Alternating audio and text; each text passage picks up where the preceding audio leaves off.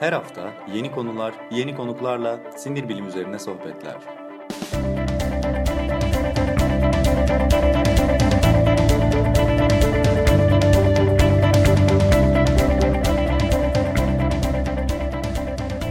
Neuroblog Podcast başlıyor.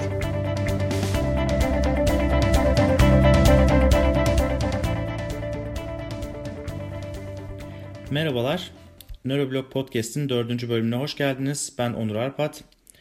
Neuroblog Podcast'in ikinci bölümünde bir beyin görüntüleme çalışması üzerinden sinir bilimin politika ile ilişkisini konuşmuştuk. O bölümde insanların politika ile ilgili düşüncelerinin neden diğer düşüncelerine kıyasla daha zor değiştiğini tartışmış ve bölümün sonunda insanların fikirlerinin nasıl değiştirilebileceğine dair başka bir bölüm daha yapacağımıza söz vermiştik. Bu bölümle verdiğimiz sözü tutmuş olacağız. Birazdan ekipten Doktor Taner Yılmaz'ın meslektaşı psikiyatr Doktor İlker Küçükparlak ile konu, konuya dair yaptığı bir söyleşiyi dinleyeceksiniz. İyi dinlemeler.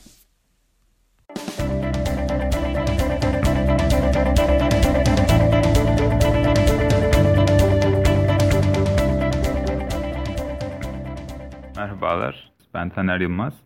Bugün e, yine bir konukla birlikte bir program yapacağız. İlker Küçükparlak bizimle. Merhabalar İlker. Merhaba. E, daha önce Onur'la yaptığımız e, ikinci podcast bölümünde e, insanlara verilen önermeler arasında politik olanların nasıl da beyinde başka yerleri aktive edebildiğini ve diğer bilgilerden farklı yorumlanabildiğini konuşmuştuk.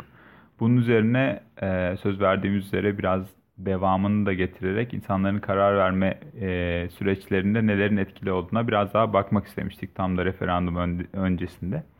E, bugün İlker'le biraz bu konudan konuşacağız. E, öncelikle şöyleydi, kısa bir hatırlatma e, olsun diye e, şeyden bahsedeyim önceki çalışmada. Araştırma beyin görüntüleme çalışmasıydı. fMRI ile yapılan çalışmada insanlara politik konuda kendilerine uymayan önermeler verildiğinde beyinlerinin duygusal alanlarla ilişkili olan bölümleri daha fazla aktive oluyor. Bir de karar verme mekanizmalarından sorumlu olan yerler yerine benlik e, ve kişinin, kişiliğin kendisine yönelik olarak olan algıları yöneten bölümler daha fazla aktive oluyordu. Diğer bilgiler mesela günlük hayatta kullandığı bilgilerden bir değiştiğinde bu konuda e, benzer bir patern izlemiyoruz beyinde bunu alıp sindirip hayatına geçirebiliyor. Ama politik konuda kendisine uymayan bir görüş e, ile karşı karşıya kaldığında biraz duygusal bir yanıt veriyor. Bunu aslında gözlemlerimizden biliyoruz. Bu çalışma bu gözlemleri teyit eden nitelikteydi.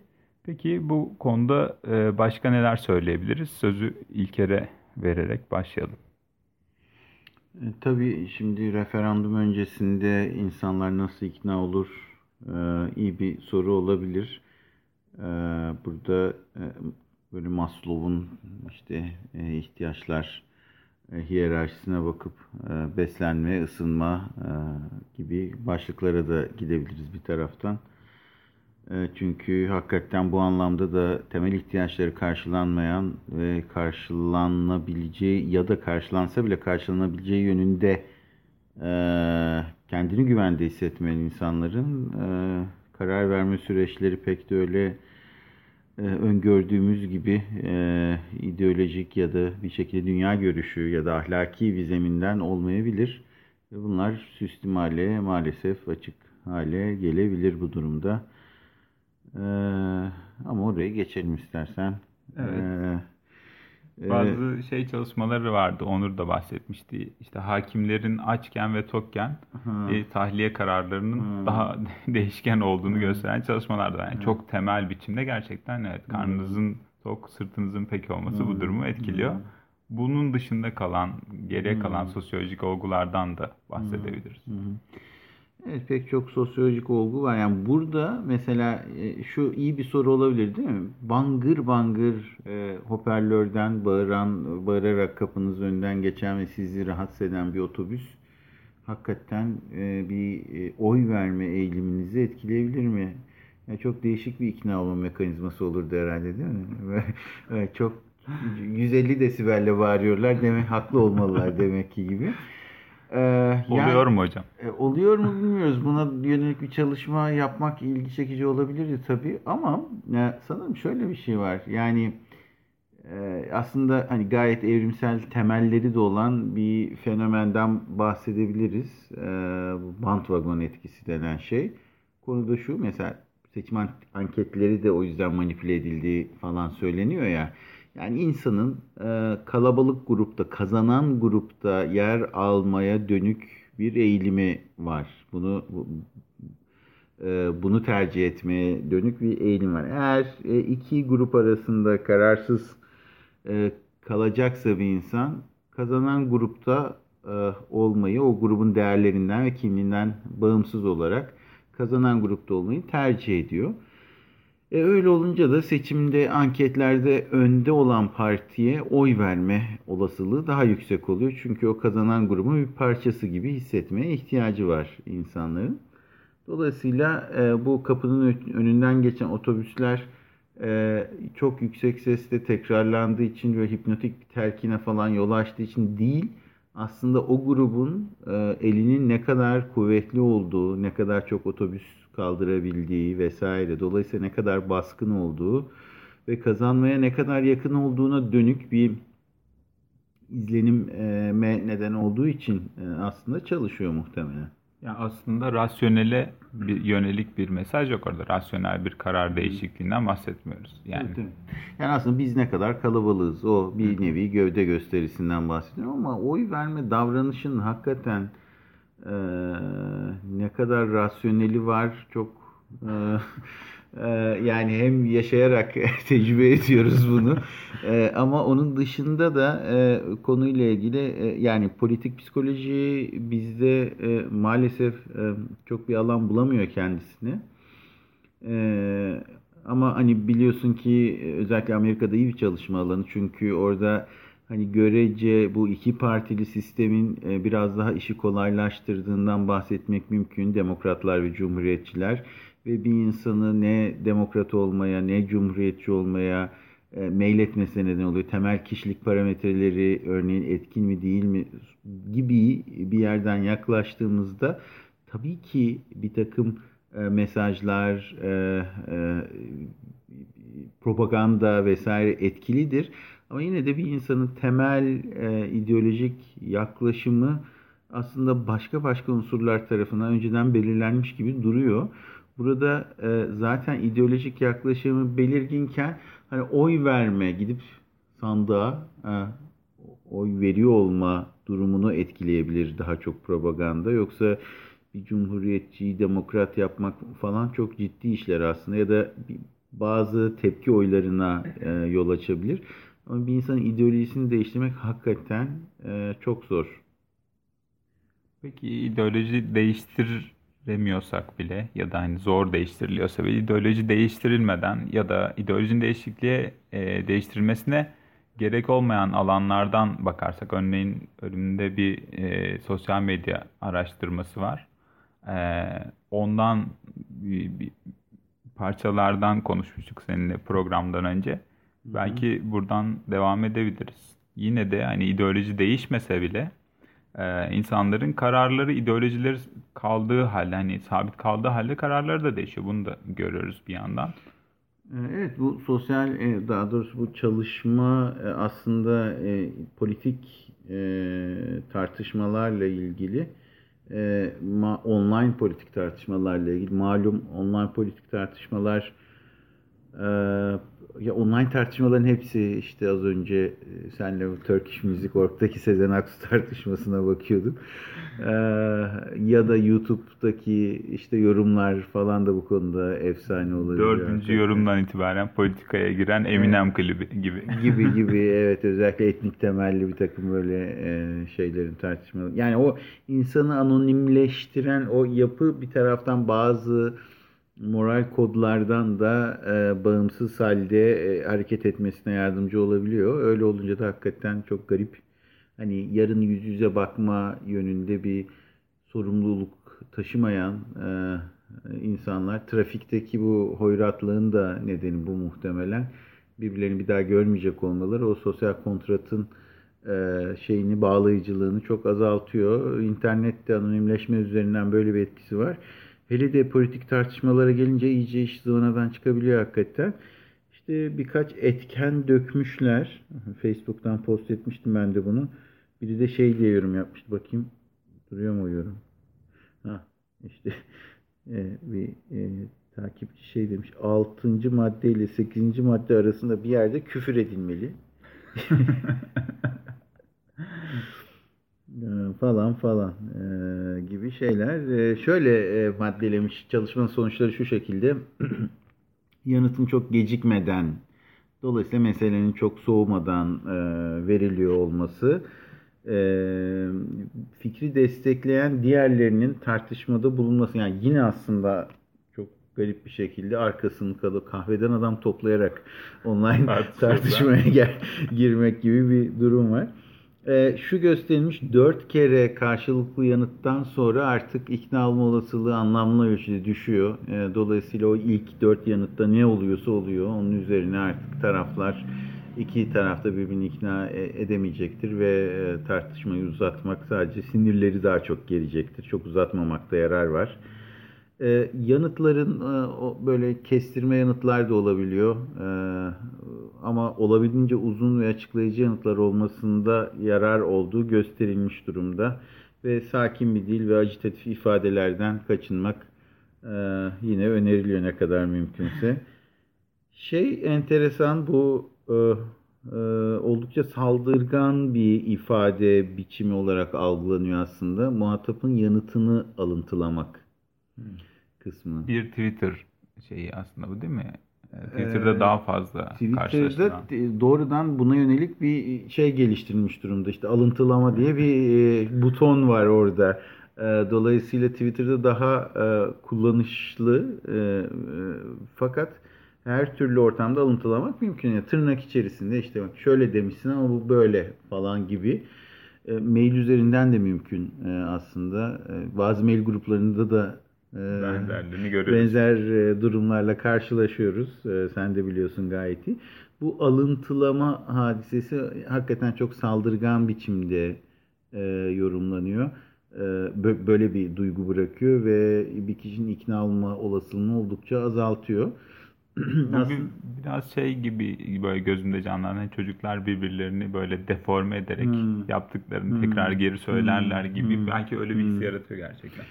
Yani şey e, o onun da şey var ya e, bütün sesli harfleri ı yaparak alıntılama şeklinde. O, o da o ruh da devam ediyor yani evet. sanki. Ee, ama sanırım şöyle bir yerden çalışıyor. Ee, bu alıntılanan kişinin kaçacağı yer kalmıyor gibi. Yani e, insanı e, ikna ede, edecekseniz eğer bir şekilde bu e, şeyi satın alması gerekiyor. Satın alması için de yenilir yutulur olması gerekiyor. Ha benim düşündüğüm baştan aşağı yanlışmış ve saçmalıkmış. Şimdi aydınlandım e, ve bundan sonra böyle düşünüyorum gibi bilgece bir tutum mümkün değil. Yani e, gündelik bir hayatın içinde hele hele hiç değil. Dolayısıyla alıntıladığınızda ama kişiden bunu bekliyorsunuz. Yani sen burada bunu demişsin tam olarak. Genel olarak aslında ee, yani iletişimde genel olarak önerdiğimiz şey var ben diliyle aktarın. Yani sen şunu söylediğinde ben bunu anlıyorum buradan. Ve bu bana böyle hissettiriyor. Ben, ben, benim duygum bu vesaire falan gibi. Şimdi alıntıladığında sen şunu söylüyorsun ve yanlışsın e, demek oluyor bu ve saldırgan bir uslup e, e, olmuş oluyor. Aslında her zaman benim de bazen alıntılayasım geliyor. E, her zaman şey değil yani buradan şunu mu anlayayım bu, bu mu demek gibi ama yine de e, insanların dediğim gibi pek hoşuna gitmiyor alıntılanmıyor olmak bir tartışmanın içinde. Ee, yine aynı şekilde aslında hani kaçacak yer bırakmak ve köşeye sıkıştırmak gibi. Şimdi online tartışmalarda daha çok köşeye sıkıştırma arzusu var. Nasıl da yendim diye ama işte insanlar ikna olmuyorlar. O, o yüzden orayı terk etmesini istiyorsanız insanın düşünceyi e, orada yıkılıp kalması değil, yani oradan kaçacak bir yer e, göstermek aslında köşeye sıkıştırmak yerine daha makul. O yüzden şunun da çalıştığı görülmüş. muhatabınızın önermesine karşı çıkmak yerine e, başka bir önermeyle gitmek. Yani bu biri diyor ki bu doğrudur diyor size. Şu tutum doğrudur diye geliyor. Siz o tutum doğru değil yanlıştır yerine başka bir tutumla ilgili bir yerden konuşuyor olmak e, tabii ki konuyu başka bir yere çekmek olacak bir taraftan ama dediğim gibi kaçacak alan bırakmadığınız muhatapınız saldırganlaşacaktır. Köşeye sıkışmış bir hayvan davranışı gibi aslında bir taraftan. Bu, bir de refer ha. bu araya girmek istedim çünkü çok buna direkt referans verdi çalışmada da. İşte görüntüleme çalışmasında da şunu göstermişler. Kişilere böyle direkt onların inandığının tam tersi ifadeler ve önermeler sunduğunuzda e, şöyle hissediyor. Yani bu nahoş, rahatsız edici ve yani e, bir an önce bu histen kurtulmaya çalışmaya itiyor insanları ve bu nahoş hissi yaratan ne? Bu önermenin kendisi. O zaman direkt bir bağ kuruyor. Yani önermeden yani sizin söylediğinizden kurtulmaya çalışıyor. Kendi fikrini değiştirmek değil ve köşeye sıkıştıkça daha sert savundukları ve fikirlerine daha çok sarıldıkları da çalışmanın e, gösterdiğilerinden biriydi. Hı hı, evet. Dolayısıyla şimdi bir tartışmada e, insan e, muhatabının fikrini e, yanlış gördüğü fikrini değiştirmek istiyor olabilir ama şey daha gerçekçi bir hedef gibi fikir değiştirmek yerine e, belki tutum değiştirmek fik, fikir biraz daha söylemde kalabilir ama tutumu değiştirmeyi hedeflemek daha makul olabilir. Bir de argümanları referansla desteklemek hakikaten güvenilirliğini çok arttırıyor.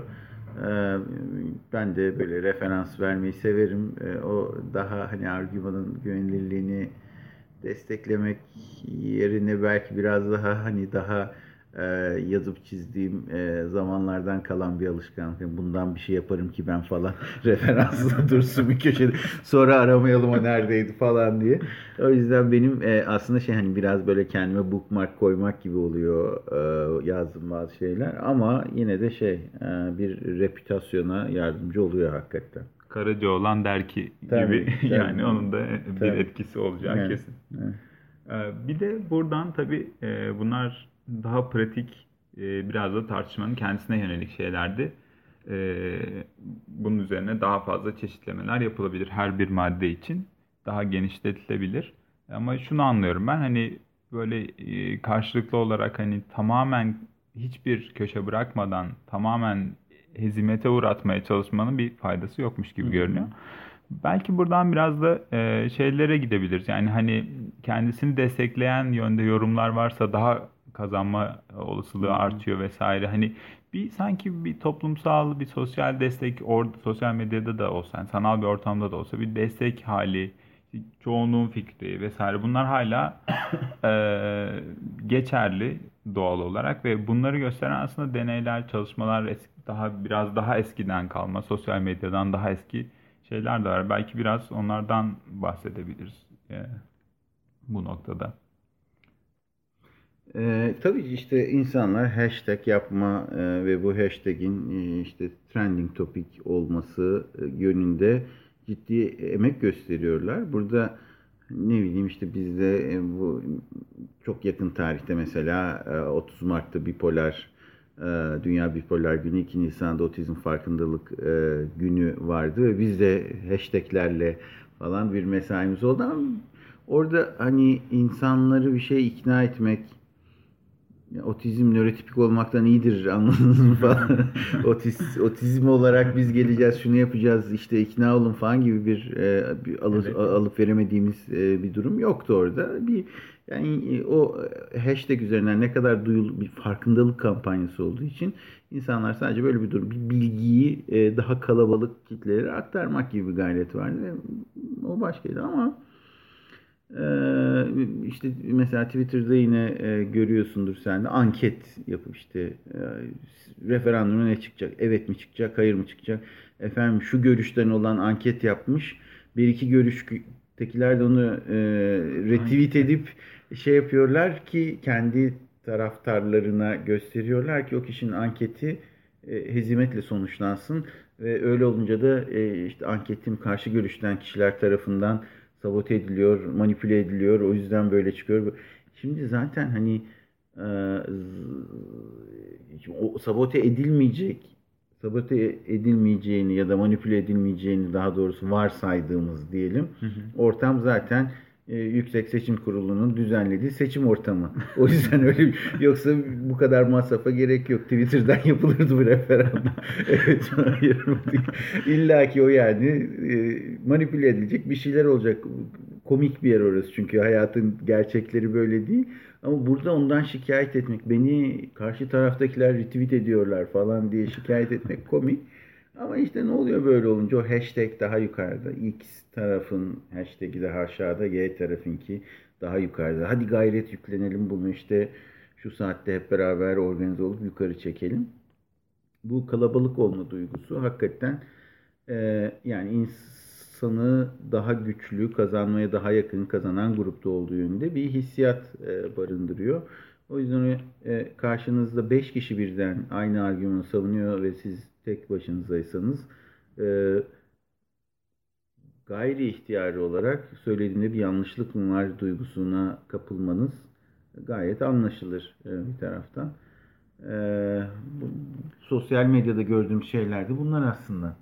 E, bu şey gibi e, tam aynı e, durum mu şimdi şey yapamadım karşılaştırırken bir yandan seni dinlerken e, otokinetik etki denilen Muzaffer hmm. Şerif'in söylediği gibi hani toplumsal bir şeyde hmm. hani size bir önerme sunuluyor evet. ve herkes böyle inanıyor zaten siz ne diyorsunuz diye sorulduğunda ya hani onların düşündüğünden ters bir şey söylemek yerine kendi düşündüğüm ya da gördüğümden farklı bir şey söylemek daha kolay. Çünkü toplumla ters düşmek bazen biraz daha ya da kalabalıkla ters düşmek de bazen daha nahoş evet. gelebiliyor. Şimdi şöyle iyimser olasılıklı Muzaffer Şerif'in otokinetik etkisi gibi gerçekçi mi diyelim artık e, ya da başka bir perspektiften diyelim e, eşin paradigmasına benziyor.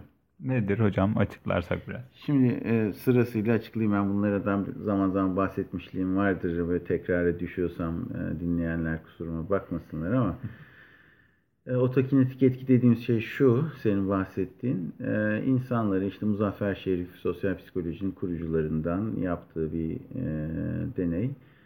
İnsanları karanlık bir odada, bu otokinetik illüzyon denen bir illüzyon türü var. Siz kapkaranlık, zifir karanlık bir odada oturuyorken karşınızdaki duvara bir ışık yansıtıldığında ve bu ışık sabit bir nokta iken bir süre sonra bu noktanın hareket ettiği yönde bir algı oluşmaya başlıyor. Bunun sebebi de şu aslında sabit olduğunu e, kavrayabilmemiz için diğer referans noktalarına ihtiyacımız var. İşte duvarın köşesi bittiği yer, tavan vesaire ve o karşılaştırma içinden evet o durduğu yerde duruyor diyebiliyoruz. Ama bu olmadığında, zifiri karanlık bir odada, referans noktası olmadığında gözün doğal hareketleri içerisinde bu nokta sanki artık tamamen tesadüfi bir şekilde bir yerlere kayıyormuş gibi bir duygu bırakıyor.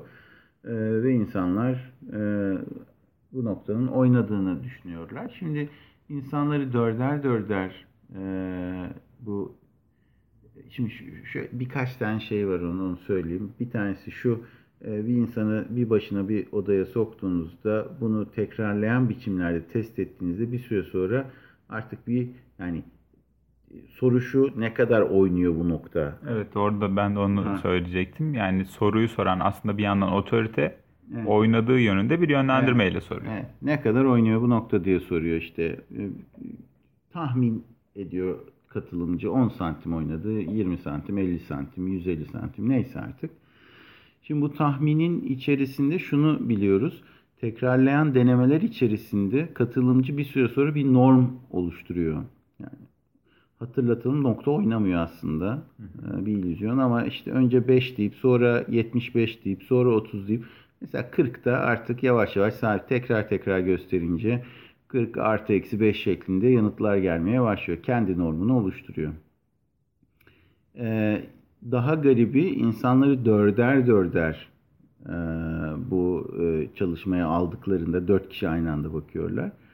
E, bir süre sonra grubun bir normu oluşuyor. Yine her kafadan bir ses çıkıyor ilk birkaç denemede. Kimi 5 santim oynadı diyor, kimi 150 santim oynadı diyor.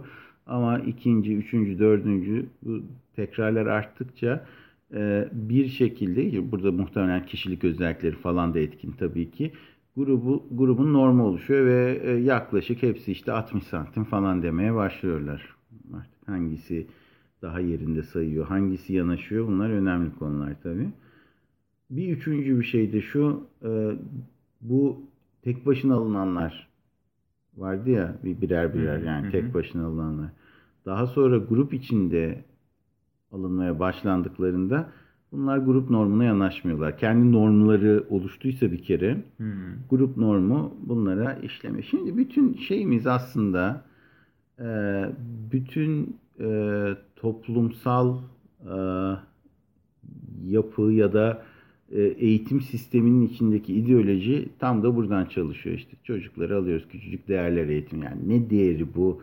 Hangi değerden? Çünkü değerler birbiriyle çelişir. Şimdi bunu biliyoruz. Bir takım değerleri tercih etmek zorundayız. Yani şunu diyebilirsiniz. işte vatan için her şey yapmak mübahtır. Her işte kan dökülür, ölünür, öldürülür vesaire. Bu bir değerdir. Yani tartışılır. Ama bu bir değerdir.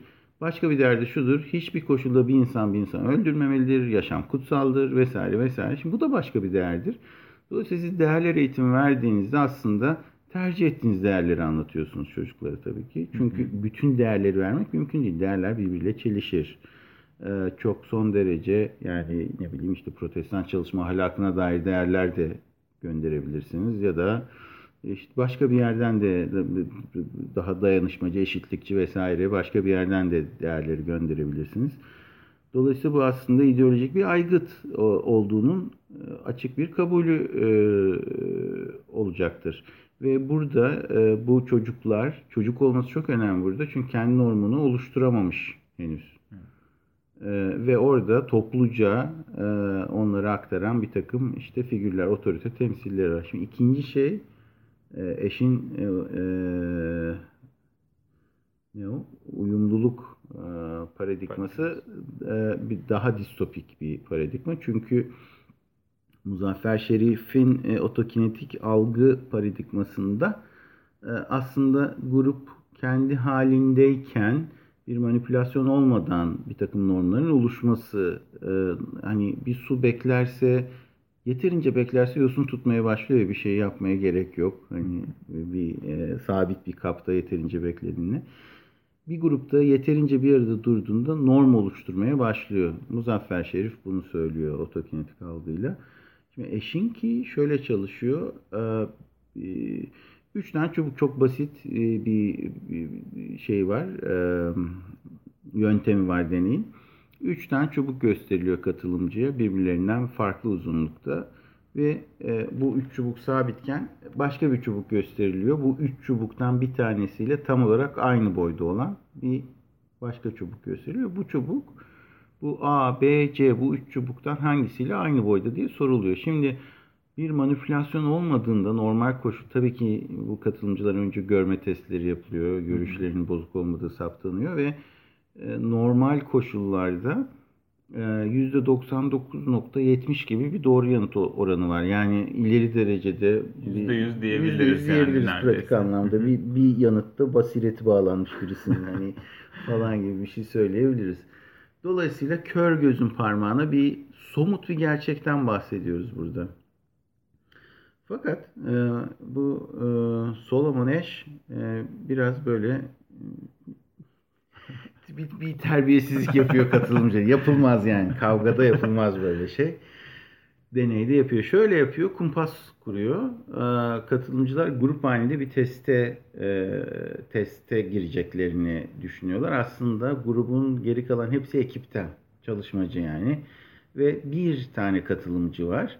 9 kişilik grup e, gerçek katılımcı tek 9 kişinin birden kendisi dahil olmak üzere denek olduğunu düşünürken aslında 8 çalışmacı gizli çalışmacı ve bir tane de gerçek denek var ve bu çubuk bunlardan hangisiyle aynı boyda diye basit bir soru yöneltiliyor. Şimdi burada şöyle çalışıyor bu şey. İlk iki turda hepsi doğru yanıtı veriyorlar. Son sıradaki e, denekimiz de tabii ki doğru yanıtı veriyor. Ama üçüncü turdan itibaren hepsi yani diğer çalışmacılar sabit bir şekilde aynı yanlış yanıtı veriyorlar. Şimdi sizden önceki 8 kişi e, sabit bir şekilde falso yani firesiz vaziyette aynı yanlış yanıtı veriyor. E, ve ama kör gözün parmağına orada somut bir gerçek var. Şimdi son e, şey ne yapacak? Son e, sona kalmış olan gerçek, Gerçek ne yapacak? Şimdi bu çalışmanın sonuçları şöyle.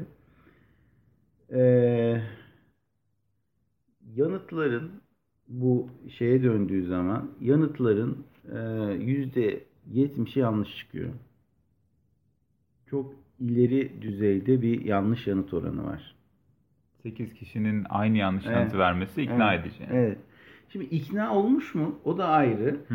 Sonra bu yanlış yanıtlayan e, kişilere niye böyle olduğunu soruyorlar. Yani daha doğrusu çalışmada ne vardı diye soruyorlar.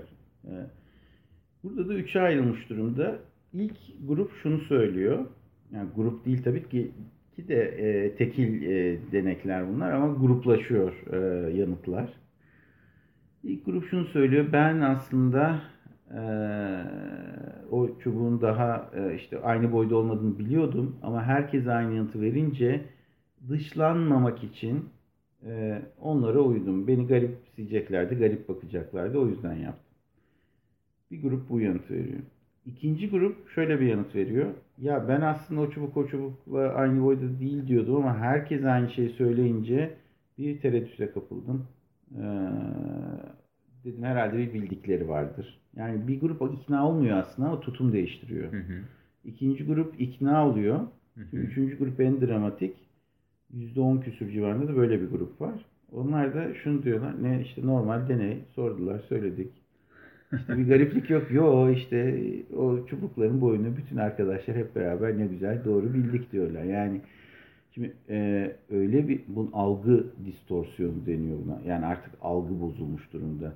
Grubun normlarına uymak ya da uymamak o kadar zorlayıcı bir durum ki e, grubun normlarına uymuyor olmak o kadar büyük bir baskı unsuru ki grubun normuna uymadığı konusunda kendi algısını distort etmiş, bozmuş Ee, ve e, aslında bu konuda bir e, uyuşmazlık olmadığı yönünde bir e, fikir geliştirmek zorunda hissetmiş kendini. O kadar büyük bir baskı unsuru olabiliyor ki hani bir çalışmadan bahsediyoruz. Bu böyle insanların yani bir e, kültürel e, kimlikle ilişkili ideolojik vesaire bir değeri barındırmayan hangi çubuk daha uzun e, şeklinde bir şeyi. Ama işte başka çalışmalar da var o konuyla ilgili. Aslında kimlik de benzer şekilde e, hızlıca oluşabiliyor. Yani bu şeyi bilir misin? E, e,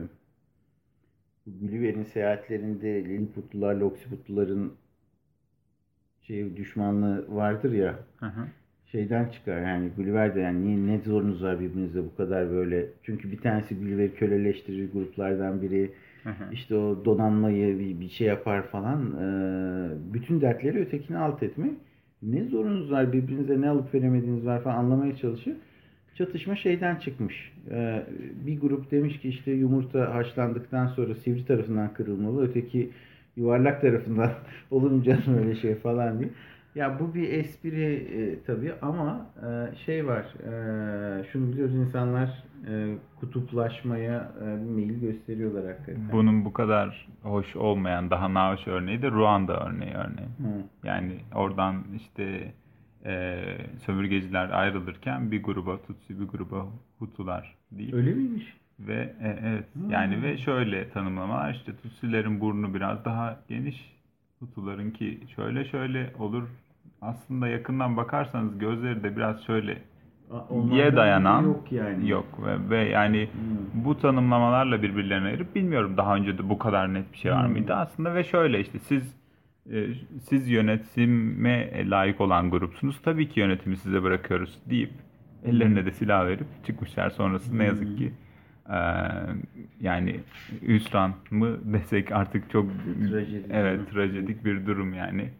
Ee, sahiden insan kimliği de, de böyle e, net bir şekilde o çubuğun boyuyla kurduğu gibi bir şekilde bakması da ya da tam tersine bakarsak e, böyle fiziksel ölçüme tabi şeyleri bile distort etmeye kadar gidebiliyorsa da bunun gerçekten çok ciddi bir e, anlamı olmalı. Bir de biraz böyle evrimsel psikoloji, evrimsel psikiyatri açısından bakınca da hani bu varsa, böyle bir şey varsa, insan böyle bir şey yapıyorsa e, bunun bir yanı olmalı. Yani taşınmış, getirilmiş ve sürdürülüyor olmasının bir anlamı olmalı diye de bakıyoruz belki. Bu konuda da birkaç şey söyleyebiliriz.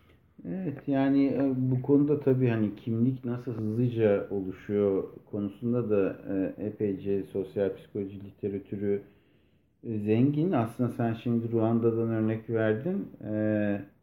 Tarihin en büyük Ruanda'sı diyebileceğimiz belki İkinci Dünya Savaşı yani çok büyük sivil kayıpların olduğu, çok büyük trajedilerin yaşandığı İkinci Dünya Savaşı sonrasında e, aslında sosyal psikoloji bir bilim olarak e, ortaya çıkıyor ve hakikaten temel soru şu Can Yak, yani bu insan nasıl bunu yapabiliyor?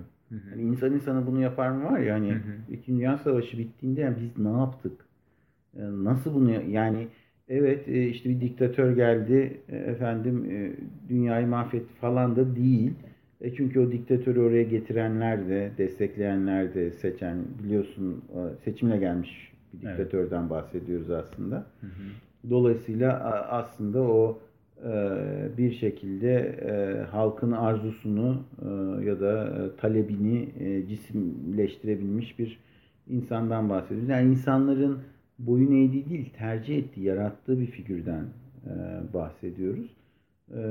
Dolayısıyla bu ya da hani tersen de buna bakabiliriz neticede işte savaşı bitiren atom bombaları, bu atom bombalarının aslında onaylanıyor, halen onaylanıyor olması ya da örneğin İngiltere'nin o Dres, Dresden bombardımanında Hiroşima'dan daha fazla insan öldüğü düşünülüyor. Halı bombardımanı şeklinde yani bir boşluk bırakmayacak şeklinde bütün şehrin yukarıdan bombalarla tarandığı ve o zaman şimdiki gibi tabii füzeler vesaireler hani hedefini bulabilen şeyler yok ama yine de o yıllarda e, en azından sanayi bölgesini hedef alma, askeri üsleri olabildiğince hedef alma, limanı mesela hedef alma gibi stratejiler varken Dresden'de şehri bırakmayacak şekilde bütün şehri e, döne döne e, kapsayacak şekilde kadar. evet e, şey e, bu da İngiltere'nin yaptığı başka bir şey. Dolayısıyla Hani bunu sadece işte bir adama e, atfetmek kolay. Hitler geldi bak neler yaptı başımıza diye. Ya ondan öncesi de var yani halen daha işte Japonya özür dilesin dilemesin e, köleleştirdiği ve tecavüz ettiği yüz binlerce Asya'daki kadınla ilgili yüz binlerce abartılı mı oldu ama on binlerce diyebilirim. Evet. Çok büyük Köleleştirdiği rakamlar. yüz binlerce belki de gerçekten. Belki de vardır şimdi o rakamları bilmiyorum. Dolayısıyla her yerde yani kafanızı çevirebileceğiniz her yerde aslında şey e, ciddi insanın insanlık adına yüzünün kızaracağı e, bir, bir takım e, trajediler e, ortaya çıkmış İkinci Dünya Savaşı'nda ve işte insan e, tam da e, efendim e, bu şey öğretisinin sonrasında diğer meleklerin secde ettiği e, eşrefi mahlukat dünyanın işte e, ve bütün evrenin onun için yaratıldığı, güneşin, yıldızların, ayın etrafında döndüğü vesaire vesaire o e, daha seçilmiş olan e, o e, varlık, e, o öğretinin içerisinden tabii şok edici bir durumu ortaya çıktı. Çünkü dediğim gibi tek bir ulusa ya da tek bir kişiye atfedemeyeceğimiz çok trajedik durumlar var ve insan nasıl bunu yapıyor diye düşünmeye başladı insanlar. Sosyal psikoloji türedi. İşte sosyal psikolojide başka şeyler de var. Şuradan şöyle e, bahsedebiliriz belki. Bu grup içi kayırmacılık mesela bir tanesi. E, Tayfel'in e, meşhur paradigması bu da. Yani çok basit bir şey var. Bu daha sonra Milgram da benzer bir şey yapacaktı zaten. E, ama sadece yazı turu atarak ikiye bölünce bile insanları işte oradan e, bu ikiye bölünen insanlar takım tesadüfler sonucunda bir, birbirleriyle alakaları yok. Yani tamamen tesadüfler sonucunda kendi grubundakileri E, ama o grubun da bir işlevi de yok yani hani sadece işte Sadece yazı isim, gelenler, tam Hutu, tura gelenler. Tutsi vesaire falan evet. Tutsiler ve Hutular Ha, gibi. Yani e, bu yazı tura sonucunda ikiye bölünenler bir şekilde kendi grubundakileri kayırıp torpil yapıp e, diğer gruba bunu yapmayarak bir, bir, bir, bir takım davranışlarda bulunuyorlar. E, bu biraz böyle sen benim sırtımı kaşı ben senin sırtını kaşıyım. Yani bir isim konsun da kim kimi kayıracak diye. Hı hı. Bu akrabalık olur, e, kimlik olur başka ama hiçbir şey yoksa çok hızlıca bir araya gelmiş insanlar birbirlerini tanıyamıyorlar. Aa, hazır bir yazı tura atılmış. İşte e, yazıcılar, turacılar diye. Tamam biz madem buradan bir kimlik inşa ederiz e, gibi bir duruma geliyor. Yine e, meşhur e, filme de konu olmuş olan bu şey e, Hapishanede. Hapishane deneyi öyledir. Hapishane deneyin biraz daha denetimsizlik e, ve otorite, güç ilişkileriyle ilgili e, oradaki dehumanizasyon. Onun haricinde bir şey e, Cialdini'nin deneyi var. E, şey e, bir renkte tişört giyiyor olmak bile bir süre sonra insanları e, şey yapabiliyor, saldırganlaştırabiliyor diğer gruba karşı. İşte filmi falan da e, çekildi. Tarihte de örneği var zaten işte kahverengi gömlekliler vesaire falan. Kara gömlekler. evet pek çok örneği var. Dolayısıyla sadece e, yani bu bunun çok hızlı çalıştığını biliyoruz. İşte bir müzik grubunu seviyor olmak, bir markayı tercih ediyor olmak bile Aynı motosiklete binmek falan vesaire bile, gibi. Evet, e, o bunlar bile hızlıca şey e, bir kimlik e, e, ögesi olarak çalışabiliyor. Yine aslında spor taraftarlığı çok benzer bir şekilde çalışıyor ülkemizde. Çünkü e, mesela spor kulüplerinin nadiren sosyolojik bir e, temeli oluyor. Yani şöyle gerçekler vardır. İşte Avrupa'da bir kentte birden fazla spor kulübü varsa, bir futbol takımı varsa bir ne sosyolojik bir nedeni vardır ya onun işte işçi Hı hı. takımı, efendim zengin takımı nedir? Ee, işte bir tarafta e, Chelsea işte daha zengin takımı, işte Everton'da galiba onlar daha vesaire falan. Çok teferruatını ben de bilmiyorum ama böyle ya da şeye göre bir paylaşım, e, daha mezheplere göre, dinlere göre, etnik temele göre, sınıfsal e, duruma göre e, farklı şeyler oluyor. Şimdi Onlarda alttan yukarı yapılanma da oluyor ama bizde pek öyle bir şey rastlamıyoruz aslında futbol kulüplerine. Bir iki tane kulüp var böyle e, işte şeyle bilinen özür dilerim bu anlamda kimliğiyle bilinen Adana Demirspor Demirspor. var. İşte Livorno ile kardeş kulüp. Karşıyaka'nın belki böyle bir şey. Beşiktaş'ın belki yani son zamanlarda biraz daha beliren. Gönül verenler diyelim ki Beşiktaş. Evet son birkaç yılda daha beliren bir tarafı var o anlamda ama e, yine de İstanbul'da işte e, birçok kulüp var ve e, ya da İzmir'de de birçok kulüp var ve birçok kulüp olmasının sosyolojik bir nedeni yok. Ama yine de insanlar sadece işte e, kaş kolunun rengi nedeniyle birbirlerini öldürebiliyorlar. Yazık Bu, bu- bunları yaşadık, gördük. Dolayısıyla burada konu ya da birbirleri için ölmeye hazır hale gelebiliyorlar vesaire. Organize olup böyle bir e, ya da otobüs yolculuğunda yanındaki adam onu sevmediği kulüptense huzursuz oluyor da işte vesaire sevdiği kulüptense daha bir kendini güvende hissedebiliyor mesela. Dolayısıyla buradaki konu e, e, kalabalık grupların içinde e, hakikaten örneğin mesela bir aşiret yapılanması için çok buna ihtiyaç olmayabilir. Hı hı. Yani bir aşiretin içinde yaşayan biri mesela bilmiyorum bunu araştırmak lazım. İyi hipotez geldi aklıma bak. Ee, çok fanatik bir futbol taraftarı olmayabileceğini düşünüyorum ben. Hı hı. Çünkü Daha, daha başka bir şeyi onun yerini tutan, ikame eden bir şey var çünkü. çok, çok daha gerçek bir şey. Daha Akrabalık bağı, evet. Kin selection denen Evet. şey var işte yani. Hani dolayısıyla kim kimi kayıracak, kim benim sırtımı kime yaslarım, ne yaparım gibi soruların yanıtı çok daha belirgin ama metropole savrulmuş. Şimdi insanlar ne yapıyorlar? Hala onu sürdürmeye çalışıyorlar. Örneğin Karadenizler diyor ki ben Sarıyer tarafına hani bizim oranın insanı var orada, hemşerilerin Evet. ya da Sarıyer'de işte Karadeniz mahallesi olur, Kürt mahallesi olur, başka bir mahalle olur falan. Ama e, insanlar en azından ilçede değilse bir de mahallede, sokakta e, tanıdıkları, akrabalık ilişkilerinin olduğu insanlarla birlikte olmaya çalışıyorlar. Ama yine de metropolün ortasına savrulmuş insanlardan bahsediyoruz ve sırtını dayayabileceği, destek alabileceği, güvenebileceği başkalarını da türetmek zorunda. E işte yazı tura atar gibi e, futbol e, kulübü. Çünkü çok tesadüfi oluyor ya. Şimdi mesela işte babası Galatasaraylıyken çocuğu Fenerbahçeli olan ya da işte e, babası Beşiktaşlıyken çocuğu Galatasaraylı olan insanlar var. Hı hı. E, yani bu mesela başka bir ülkede pek mümkün değil. Çünkü zaten protestan takım var, bilmem ne takım var falan. E, dolayısıyla işte o sene kim şampiyonsa çocuklar genelde işte kim daha başarılısı o takım tutmaya meylediyorlar. Böyle olduğunda çok tesadüfen oluşuyor bu takım tutma işi. Yani birine sorduğun zaman niye Beşiktaş tutuyorsun? İşte o sene kazanmıştı. Dayım gibi bir şey falan. Babası falan da olabilir ama arkasında sosyolojik bir şeyi yok onun. Bunları dinlerken seçimler ve partiler canlandı da gözüme çok çok benzer yürüyor işler yani, diye. Yani yani yani.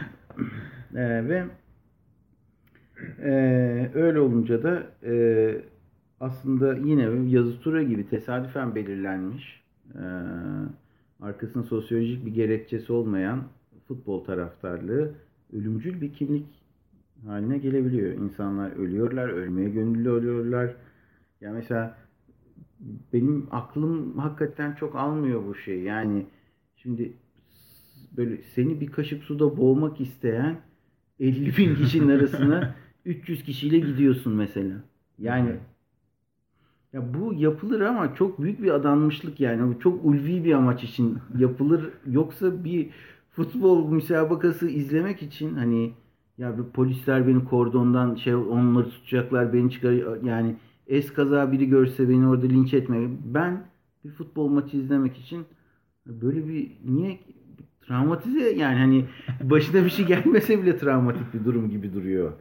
ee, tabii onun besleyici başka tarafları da vardır muhakkak. Kahramanlaştırılıyordur vesaire falan ama dolayısıyla e, aslında bu kadar ölümcül veya ölmeye ölümün göz alındığı kimlikler haline gelmesinin nedeni çok muhtemelen metropolde insanın belki de Türkiye'deki metropollerde hı hı kendini güven, yeterince güvende hissetmeyen insanların bir kimlik ile yazı tur olsun fark etmiyor. Bir kimlik ile kendilerinden olan ve olmayanları belirlemeye yönelik e, daha şiddetle bir ihtiyaç duyuyor olması diyebiliriz belki.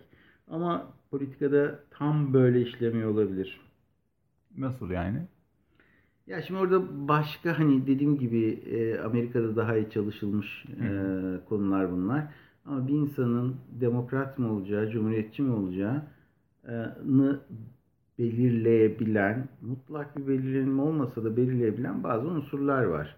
Örneğin işte nörotisizm denen özellik fazlaysa bir insanın demokrat olma olasılığı daha fazla. Hı hı. Ya da belirsizliğe tahammülü daha düşük bir insanın e, cumhuriyetçi, cumhuriyetçi olma olasılığı daha çünkü o cumhuriyetçi bir, bir, biri bir şey söylüyordur ve zaten biat ediliyor. Hani muhafaza etmekten gelen bir Aynen kelime öyle. muhafazakarlık. Aynen öyle işte sağ e, diye tanımladığım şey odur ya. Yani bir lider vardır. Budur doğrusu der. Kafalar net ondan sonra. Yani mesela sağın daha muhafazakar insanların daha dindar olmasının da nedeni o. Hı hı. Bir şey söyleniyor. Bunu yap, bunu yapma net o belirsizliği barındırmıyor. Bazı insanların belirsizliğe tahammülü düşük Hı hı. E, ve doğruların, yanlışların, değerlerin net olarak aktarılmasını istiyorlar. O bu bunun anksiyetesiyle baş edemiyorlar. Hı hı. Bunu inşa etmekle uğraşamıyorlar bir nedenle ötürü. Böyle bir insanın sağcı olma olasılığı çok yüksek. Hı hı. Gibi. Dolayısıyla ha. burada hani sadece şey e, bir insanın ideolojik e, yönelimini yönelim burada şimdi tercih değil yönelim gibi bir yere geliyoruz ki gibi yani evet. hakikaten öyle görünüyor. Değiştirmek çok kolay değil ama tutum değiştirmek mümkün olabilir yine de. Evet yani tercih değil yönelim aslında güzel bir nokta. Çünkü bir rasyonele dayanarak tartışılarak çok da hızlı değişmesini bekleyebileceğimiz evet. bir şey değil. Tabii ki insanlar bütün bunlara rağmen büyük oranda rasyonel hatta doğanın en rasyonel canlıları. Çünkü bir rasyonelize etme e, potansiyelleri var kendi içlerinde. Vallahi yani benim şu- bu ara insanla aram bozuk olduğu için herhalde çok rasyonel gelmiyor. Peki tamam ben bence diyerek güzel. Yani bir reasoning yapma hani bir sebep sonuç ilişkisi kurma veya da, e, potansiyelini en yüksek taşıyan diyelim en azından. Böyle bir kapasite var Zeki ama kullanırlarsa. çalışmıyor var ya. ama ama bunun dışında hani bu e, rasyonelite içinden değil nasıl da dışından davrandığımıza ilişkin de birçok yan var. Aslında e, tekrar başa dönersek e, hani birinin fikrini değiştirmeye çalıştığımızda karşımızda aslında bir sürü şey olduğunu sadece o fikir değil sadece o kişi de değil onun sosyal kimliğinin politik e, varoluşunun yanında hani çok bireysel bir yanının da olduğunu görmek çok önemli gibi görünüyor. Şöyle yani birini böyle bütün iyi niyetinle ikna etmeye çalış ya da bir fikri mesela sorguladığını düşünebilirsin. Ama bu e, hiç öyle bir niyetin olmasa bile diğeri tarafından saldırıya uğradığı duygusuna denk düşebilir. Böyle olduğunu düşünsün ya da düşünmesi.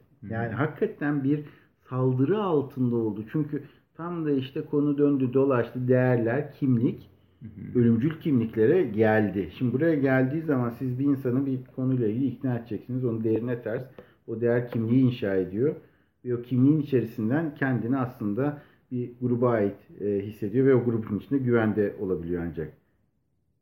Yani hani bir çivi, Güvenlik bir, ağını bozuyorsunuz. aslında. bir çivi, bir nalı, bir nal, bir atı, bir at, bir orduyu kurtarır, savaş kazanır falan gibi yani. Bir fikri tehdit etmek hakikaten o insanın bütün güvenliğini tehdit edebilir. Yani böyle algılanması da o fikre daha çok sarılmaya Kesinlikle. yöneltebiliyor Kesinlikle. insanları gördüğümüz kadarıyla. Tabii bir yandan şunu da bir e, hani madalyonun diğer yüzü de bence şu. İnsanların nasıl olup da hani böyle çok net gerçekten somut şeyler ortaya koyduğunuzda hala aynı fikirde olduklarına şaşırıyorsanız biraz da onun açıklaması bu bence. Çünkü gerçekten o yaratılan kimliğe doğru meyletme hepimizin taşıdığı bir özellik. Rasyonel olarak düşünüp bir analizden geçirenler bundan biraz daha uzaklaşabiliyorlar. Yine de böyle bir yanı herkes taşıyor. Ama rasyonelitenin azaldığı durumlarda gerçekten insanlar kimliğin ne olduğunu da çok sorgulamaksızın, o sorgulama da minimalde kalarak çok daha yoğun bir aidiyetle e, yaklaşabiliyorlar. E, konu referandumda olsa, seçimde olsa, futbol takımı da olsa benzer biçimde işleyen bir süreç var gibi. E, süre e, bizim planladığımız gibi aslında başka eklemek istediklerin varsa alayım Mikael. Efendim öncelikle hepimize hayırlı olsun diyeceğim referandum.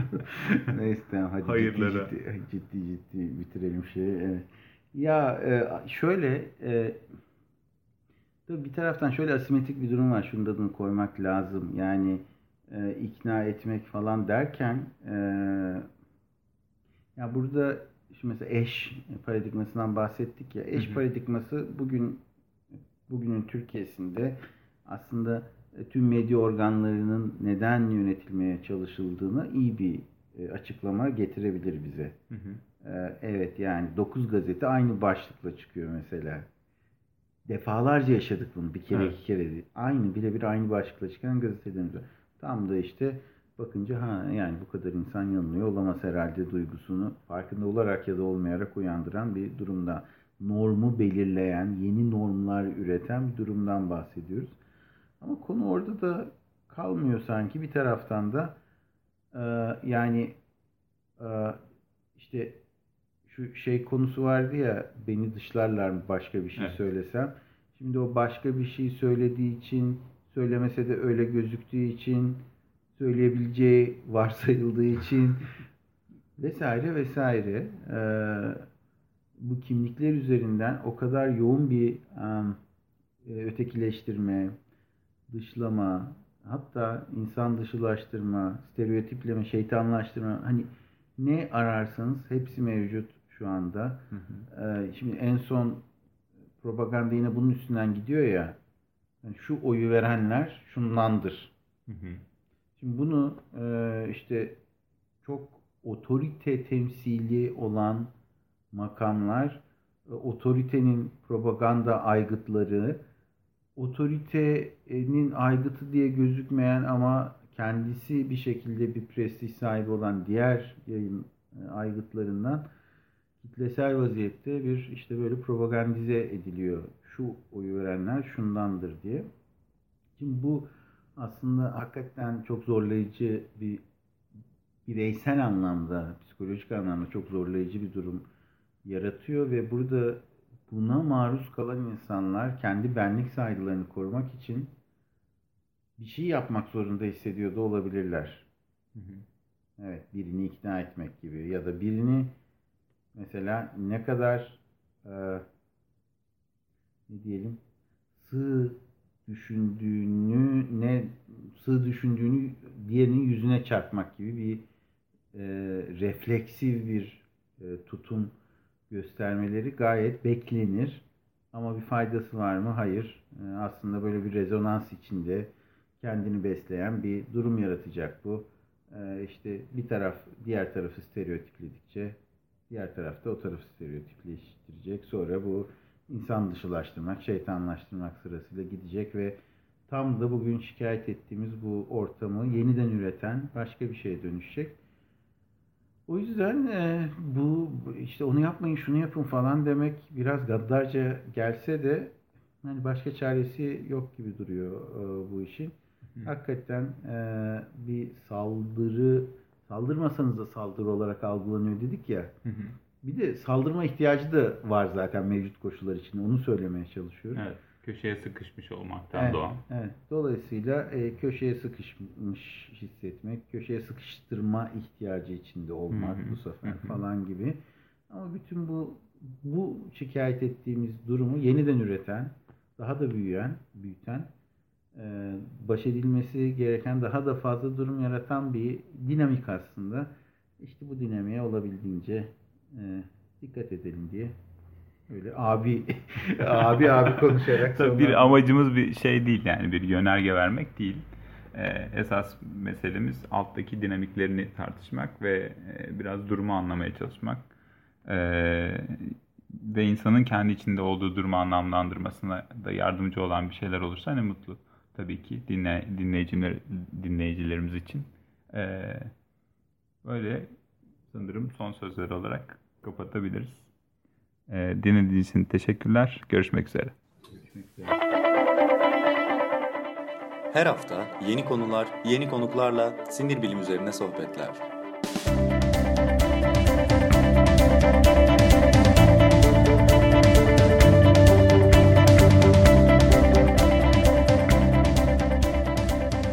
Neuroblog Podcast sona erdi.